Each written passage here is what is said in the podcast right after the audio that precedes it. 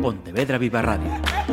Cara a cara. Damas y caballeros, la Asociación de Directores de Informativos de Radio y Televisión da la bienvenida a Susana Soto.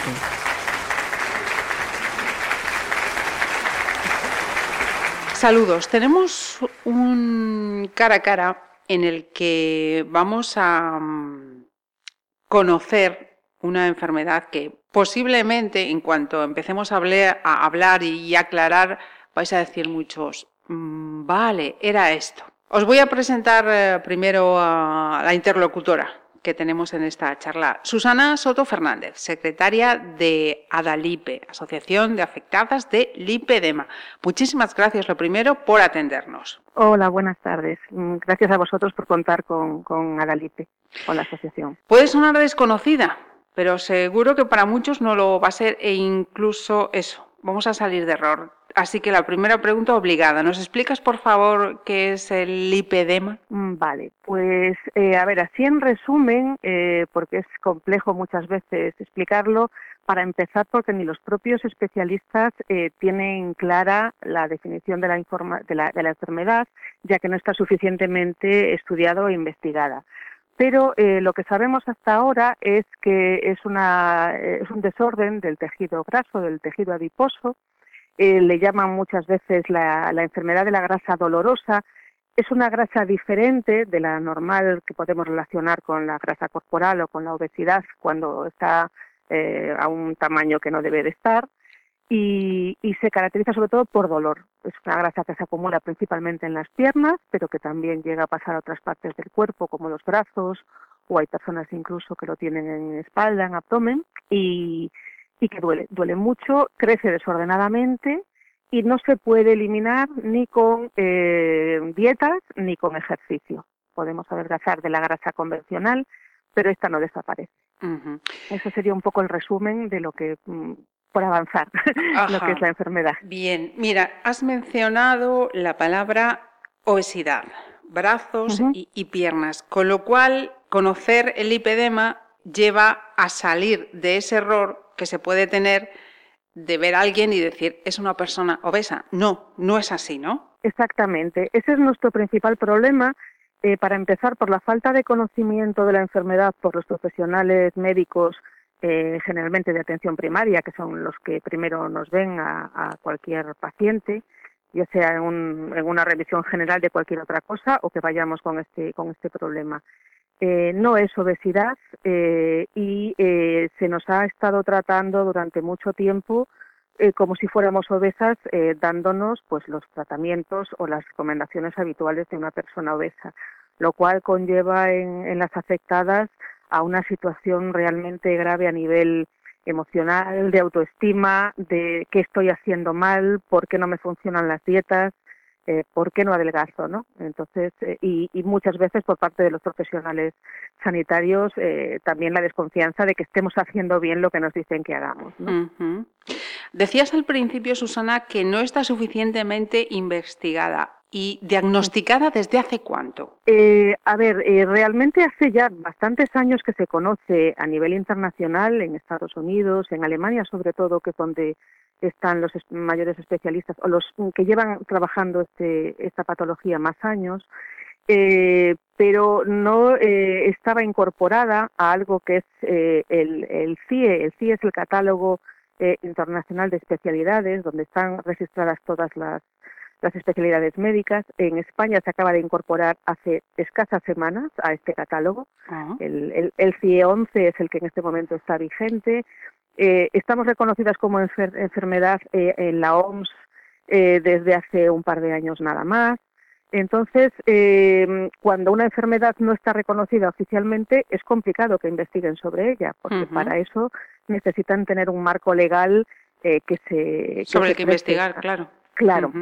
Entonces, sí hay especialistas, sí hay médicos que la conocen y que a nivel particular están investigando y están e intentando avanzar en los posibles tratamientos, pero eh, al no ser eh, algo oficialmente reconocido, pues eh, ahí está la complejidad de la, de la investigación y del tratamiento.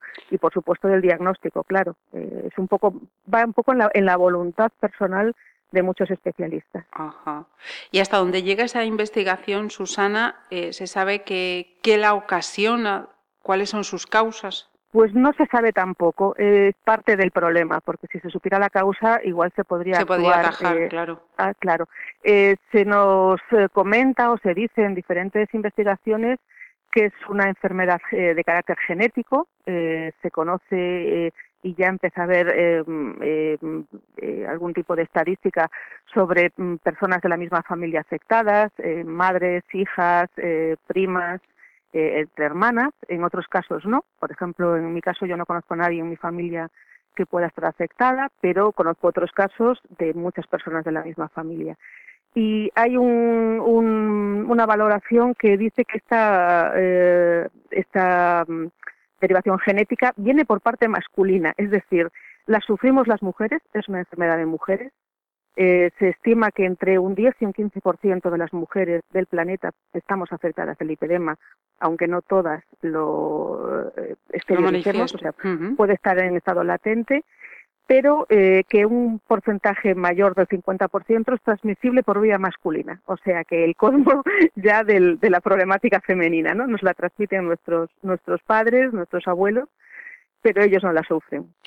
Con esto que nos estás diciendo, imagino que también es eh, difícil eh, conocer alguna eh, estadística más precisa. Nos decías ese porcentaje mundial, pero aquí en España, por ejemplo, no, no hay una, estadística que diga cuántas personas hay afectadas. No, tampoco. Es una estadística basada en, las observaciones que van haciendo los especialistas que, que van trabajando en el tema pero es un porcentaje. Un porcentaje significa que eh, lo han eh, analizado en función de los pacientes que tratan eh, y comparación. No sé exactamente cuál es el sistema estadístico que utilizan, pero cuando muchos coinciden en estas cifras, pues es porque tienen algún tipo de, referencia para hacerlo. Decías, esa herencia genética, pero no hay hombres afectados por el lipedema. Eh, se dice que puede haber en un 1% de los afectados del lipedema que sean hombres, no un 1% de los hombres, sino que de ese, de ese 10-15% de la población afectada puede haber un 1% o, un, o menos. eh, digo ya un 1 por, por ir por elevación, ¿no? por lo alto. Eh, yo no conozco a ningún hombre, hay algún médico que dice que trata a algún hombre de, del lipedema y hay algún caso puntual que se nos comenta que generalmente suele estar eh, relacionado, es algo que no, no está comprobado, Ni, yo, ni, ni, yo, ni yo lo sé, pero puede haber algún tipo de relación sobre el tema hormonal también, sobre la, la, cantidad de hormonas masculinas o femeninas en, cada persona, pero es algo que he escuchado de forma totalmente informal y sin, sin ninguna certificación. Mencionabas al comienzo brazos y piernas. ¿Es en estas extremidades donde se manifiesta esta enfermedad o hay otras partes del cuerpo donde también?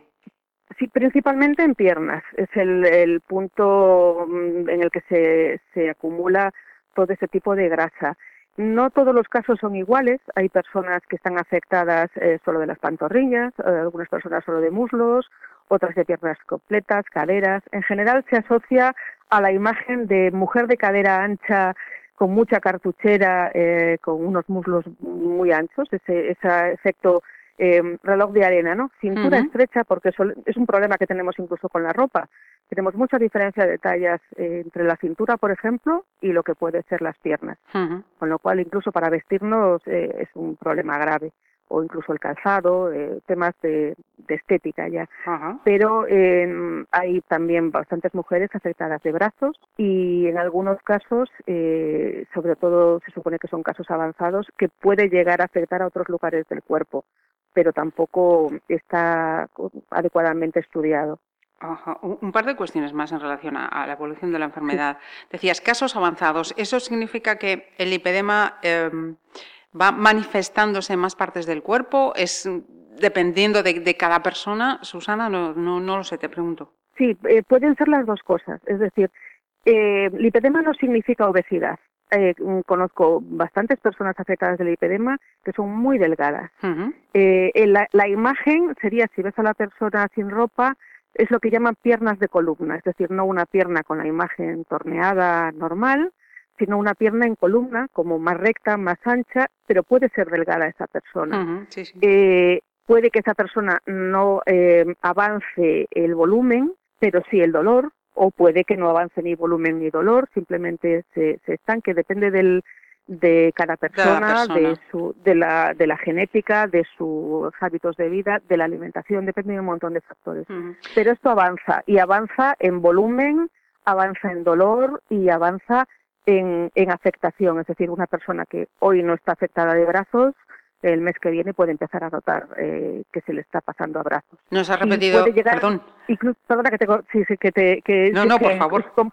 complementar que puede llegar a evolucionar en el grado mm, peor de, de la enfermedad, que es el lipolinfedema. Es decir, el linfedema sí que es una enfermedad más conocida, que es de una la acumulación linfática.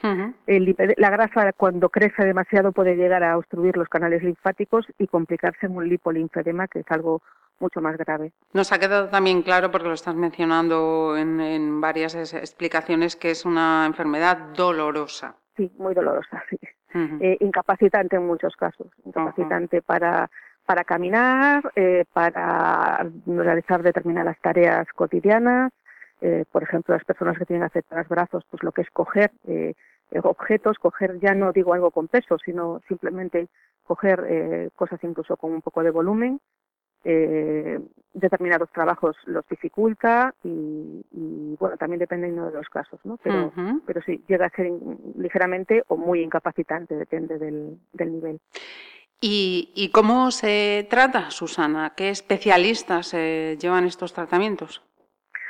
Pues eh, como no está lo suficientemente estudiado, los tratamientos, no digo que sean experimentales, pero sí que, eh, aunque se sabe que algunos tratamientos eh, nos van ayudando, están orientados hacia dos líneas. Por una parte, los tratamientos conservadores, que están pensados para, para reducir ese dolor, para prevenir el linfedema, eh, para ayudarnos en, general en, que las piernas y los brazos estén bien tonificados. Y ahí estaríamos hablando de masajes de drenaje linfático y sobre todo medias de compresión, que son medias de compresión especiales hechas a medida en ortopedia y, que tienen que estar pautadas por un profesional. Como no estamos nada más que reconocidas desde hace pocas semanas, eh, no hay esa, esa pauta de, mm, receta de medias, por así decirlo, y mucho menos y mucho menos de los masajes dentro del sistema sanitario público. Entonces todo esto lo tenemos que hacer nosotras eh, de forma privada. Por ahí. Y luego, claro, y luego la otra, el otro tratamiento que es el quirúrgico no soluciona el problema, porque al ser una enfermedad genética el problema no se elimina.